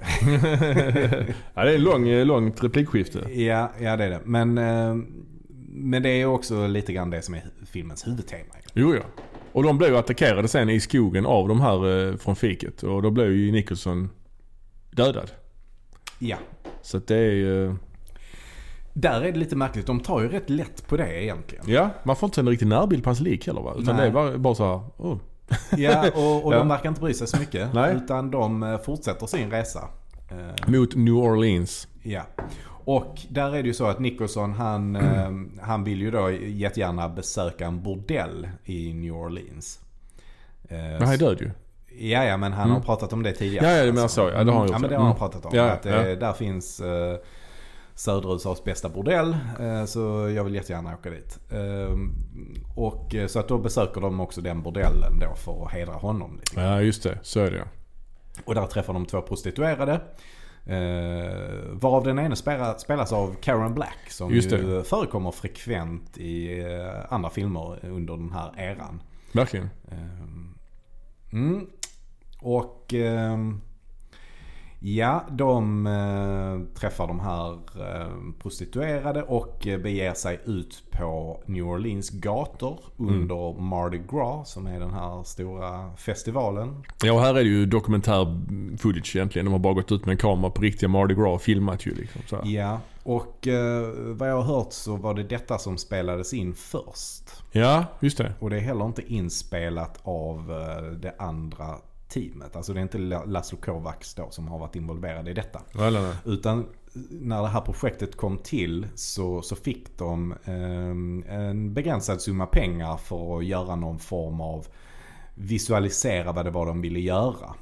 Mm, just det. Så då började de med detta. Som en demo. Ja, som en demo. Ja, eller som en precis. pilot av något Ja, slag. ja. Så då började de med detta och då anlitade Dennis Hopper en massa olika eh, fotografer då som var ute och spelade in Ja. det här samtidigt. Och där, mycket av det här materialet är inspelat på 16 mm också. Ja. Eh, Så att man ser ju tydliga skillnader Oh, ja. i det. Eh, Det sticker ut ordentligt. Och sen efter detta så hamnar de på en kyrkogård Mm. med de här två kvinnorna. Och då tar de ju acid, Ja, ja. syra. Och här är ju filmen som mest 60-tal. ja, Här ja. är det syra, de har sex på kyrkogård, det är handkamera, en del vidvinkelbilder och det är lite märkliga drömsekvenser och så vidare. Mm. Så här, här, är, det ju, här är det ju liksom verkligen 60-tal. Ja, Eh, de, de får ju en riktig snedtändning som man säger i, eh, Just det. i sådana kretsar tror jag. Ehm, ja, det, det är ju inte särskilt trevligt, eh, trevligt alls. Det antyds väl också att det blir någon slags våldtäkt eh, också. Ja, just det. Ehm, att Dennis Hopper våldtar eh, Karen Black. Ehm, men jag tycker att hela den här sekvensen, det känns ju som en väldigt realistisk eh, knarkscen. Ja, och antagligen som sagt för att det är väl totalt dokumentärt i stort sett. Ja, Eh, Det, ja. är ju, det var inte, inte någon som såg snett på folk som använde knark under den här inspelningen. Nej, nej. Nej, de, de var ju eh, höga över, upp över öronen på, eh, under hela inspelningen. Ja, Ehm, och även efter. Dennis Hopper han kommer vi återkomma till längre fram men han Mm. gick ju in i någon slags rus som varade något decennium väl. Ja, ja det gjorde han. Eh, verkligen. Ehm, Men den här filmen, ja, ef- efter, ja. det är väl det egentligen man kan säga rent handlingsmässigt egentligen. ja. eh, Om den här, eh, om den här filmen. Ehm, för att det är ju inte handlingen egentligen som är den stora grejen. Nej, nej, nej. Och detta är ju, känns ju väldigt europeiskt. Ja, Att det ja. inte är storydrivet utan mer karaktärsdrivet. Att det är statement liksom. De, det, det, filmen är ett statement Mm. mer än en, egentligen en berättelse på något Mm. sätt. Och en allegori för ett Amerika i, Mm. i kris. Mm. Det här, här, taglinen är väl A man went looking for America and couldn't find it anywhere. Mm. Står väl på postern. Ja, precis. Så det är ju... Ja, det är väl det. Och efter, efter kyrkogårdsscenen Mm. så kommer ju sen filmens abrupta slut. Ja, ja. Att de är ute och... De åker på vägen, en lastbil kör förbi och en gubbe i lastbilen. Vad är det speciella med den här gubben? Vad är hans USP? Hans USP, ja du. Har Eh, det någonting fysiskt? Han har en eh, rosa hatt på sig. Nej, han har någon slags halsböld. Har han? Han har någon jävla böld på halsen. Jaha. Någon Okej. slags eh, tumör av något slag. Ja. Och han eh, hivar fram ett hagelgevär, och- eller ett gevär och, och skjuter Dennis Hopper. ja, ja. Och Peter Fonda blev svinförbannad. Eh, Ligg kvar här, jag ska, jag ska ta dem. Och han kör ju efter. Och så blir han också skjuten. Och så sista bilden är ju hans motorcykel som flyger i slow motion Mm. ut i ett dike. Mm. Och sen är det någon flygbild och så de dödar båda två. Slut. Mm. Väldigt från ingenstans kommer Ja, ju detta. Ja. ja. Ja, det kommer väldigt abrupt. Ja. Och, det, och det är ju inte alls planterat eh, vem de här eh, som åker i den Nej, lastbilen. För det är inte de från fiket sen tidigare väl? Nej, det fattar jag inte. Jag såg ingen halsböld där alltså. Nej, nej, utan de bara kommer där helt random från Mm. ingenstans och eh, skjuter. Ja, han räcker finger åt dem, sen skjuter de honom. Det är Ja, liksom en ja. tydlig överreaktion. Mm, ja, ja, ja. Eh, så att, och den, återigen, likheten med Bonnie och Clyde, att den slutar ju rätt så likt här ju. Mm. Att hjältarna blir skjutna i slutet. Mm. Även om det inte alls är lika utdraget här och i Bonnie och Clyde finns det ju någon, eh, är det ju en del i storyn. Det är ju Mm. mer planterat där. Här är det ju bara pang, döda, Mm. slut. Mm. De mördas av, vad ska man säga, den rådande ordningen. ja, De ja. här eh, outsiders. som- etablissemanget. Etablissemanget, precis. Ja, Ja. För att precis som eh, med Bonnie och Clyde så är ju det här en film som är väldigt anti-etablissemang. Mm. eh, Och motkultur. Eh, Och det, det blev ju eh, framförallt Peter Fonda fick ju bli galjonsfigur för det. Mm. eh, På något sätt. Eh, Men den här filmen gick ju väldigt bra också Mm. med tanke på att den inte var så dyr att göra. Nej, nej. Henry Fonda, som då är Peter Fondas far. Han, han eh, har ju sagt att min son har gjort en film som tjänade in lika mycket som alla mina filmer tillsammans. Ja, ja. Eh. Ehm, det var då på frågan vad han tyckte om filmen. han sa inte att han tyckte det var bra utan han fokuserar på det monetära. Ja, Ja, ja. Ja. det här gav dem ju eh, frihet att göra vad de ville. Och. Det, Och, och det här är en film som aldrig någonsin hade kunnat eh, göras i Hollywood-systemet med en producent som initiativtagare. nej, nej.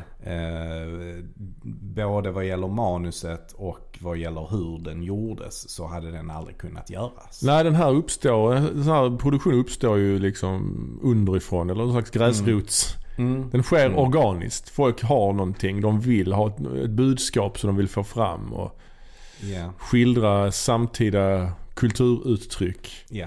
Och sen är det ju också mycket hur den är gjord rent produktionstekniskt liksom. Mm. När de kör omkring där på motorcyklar utan hjälm. Alltså då kör Mm. de ju på riktigt och är, och är förmodligen höga på riktigt också. När, ja, ja. De, eh, när de kör. Och de har ingen hjälm på sig. Och i, jag tror Dennis Hopper gör lite så här konster. Alltså han Ja, han står... kör utan att hålla sig i början ju. Ja, det är bara det han gör kanske. Det är inte så att han står med ett ben på. Ja, det minns jag Nej, inte. det är nog lite... Men han kör utan att hålla sig i första, Ja, första ja. sekvensen där. Och det är ju inga stuntmän där som gör det. Utan Nej, det är nej. de själva som... eh, helt oplanerat säkert. Säkert Mhm. inte med manus heller. Utan eh, helt improviserat bara. Eh, det hade ju aldrig kunnat göras i studiosystemet. Nej, nej, nej, gud. Ja, den här filmen den är ju... Den är ju intressant att se än idag. Mm. Jag tycker kanske den är lite småseg emellanåt. eh, Att det blir lite för mycket mumbo jumbo monologer vid lägereldar och här och var. Ja, det är mycket, mycket lägereldar Mm. i den här filmen. Det det. Men jag tycker att den ändå är eh, småputtrig att kolla på. Ja, men det är Alltså, den, det är den, absolut. Den är rätt trevlig. Alltså så, jag gillar den. Och framförallt så tror jag att det som gör att man ändå kan uppskatta den idag. Det är ju att den är ju oerhört vacker. Alltså Ja, det det är det. väldigt eh, fina miljöbilder. Mm. När de kör motorcykel till eh, Born to be wild där i början Born to ja. be ja. Det är ju Wild. häftigt alltså. Born to be Wild och sen är det ju den här The Wait-låten med eh, Mm. The Band också. Just I en det. annan scen. Någon Hendrix-låt någonstans också jag för mig. Ja det är möjligt. Och eh, ja, men det är bra, bra musikläggning så att det är ju lite grann som att kolla på ett antal olika musikvideos. Mm, mm, mm. Ehm, Ja men det är det ju. Och, eh, Och sen så får ju filmen, tycker jag, ett riktigt uppsving när Jack Nicholson introduceras. ja, han är lite mer, den karaktären är ju lite mer drivande. Han, han pratar ju mycket. Som sagt, de andra har ju knappt några repliker i första rätt lång tid in i Ja. filmen. Men Jack Nicholson är lite mer drivande och lite mer komisk också ju. Så. Ja, och han stjäl ju scenerna. ja men precis. Definitivt. Alltså Ja. från det första att man ser honom. alltså där han så här Mm. gäspar. Alltså han har sånt Ja. uh, minspel. Ja, detta liksom, blev ju som- hans big breakthrough. Ja, han klart. blev väl Oscarsnominerad också tror jag. För, Ja. eh, Alltså det, nej, men det visar verkligen prov på vilken skådespelare han är. Även om han är överdriven. Mm, så, mm. Men jag tycker ändå allt från de här små detaljerna han Mm. lägger in. Som till exempel i den, i den första scenen när de är inne i fängelsecellen. Mm. Eh, han känner ju, i och med att han eh, blir väl förmodligen eh, liksom inslängd i fyllecellen varje, kväll, varje kväll säkert. Ja. Eh, så känner han ju poliserna. Mm, precis. Så när det då kommer någon polis eh, som ska ge honom kaffe då så ställer han sig upp och så liksom håller han fast sin kavaj med hakan genom att pressa hakan mot axeln samtidigt som han ska ta emot kaffekoppen där liksom och prata med polisen. Alltså det är... ja, det ser så jäkla roligt ut. Eh, ja och sen också när han får på sig sin guldfärgade amerikansk fotbollshjälm så ser han ju inte klok ut. Nej. Ja men det, ja, verkligen. Ja, men det, det är ju...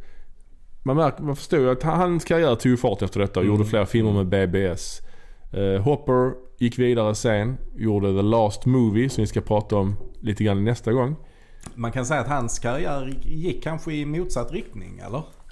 Ja det kan man väl säga. Det kan man säga. Och eh, Fonda vet jag inte riktigt vad han gjorde efter detta faktiskt. Nej, men man kan väl sammanfatta det så att eh, Fondas eh, karriär tog inte några stora kliv framåt efter, efter den här filmen. Nej. Han fick väl lite mer frihet och kunde välja lite mer vad han ville göra. Eh, så att han eh, regisserade några projekt och, och var med i en del ja, bilfilmer också.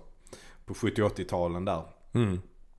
Sen fick han ju eh, mycket längre fram, mycket senare, en eh, hit då med den här Julie's Gold.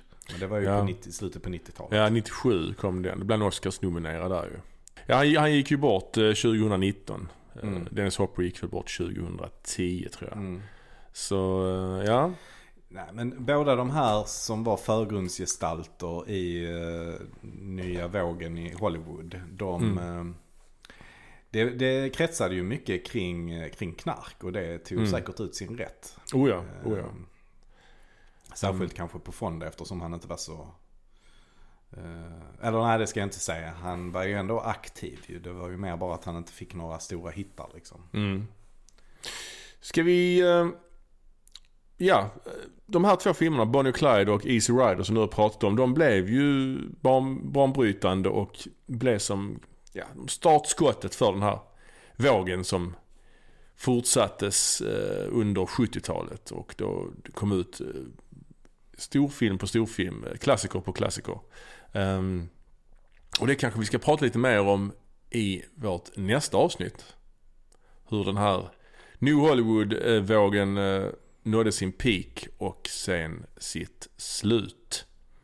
Så ja, Mm. ska vi säga så så länge? Ja, tack Ja. för att ni lyssnar. Tack tack, ha det bra. Hej hej. Hej.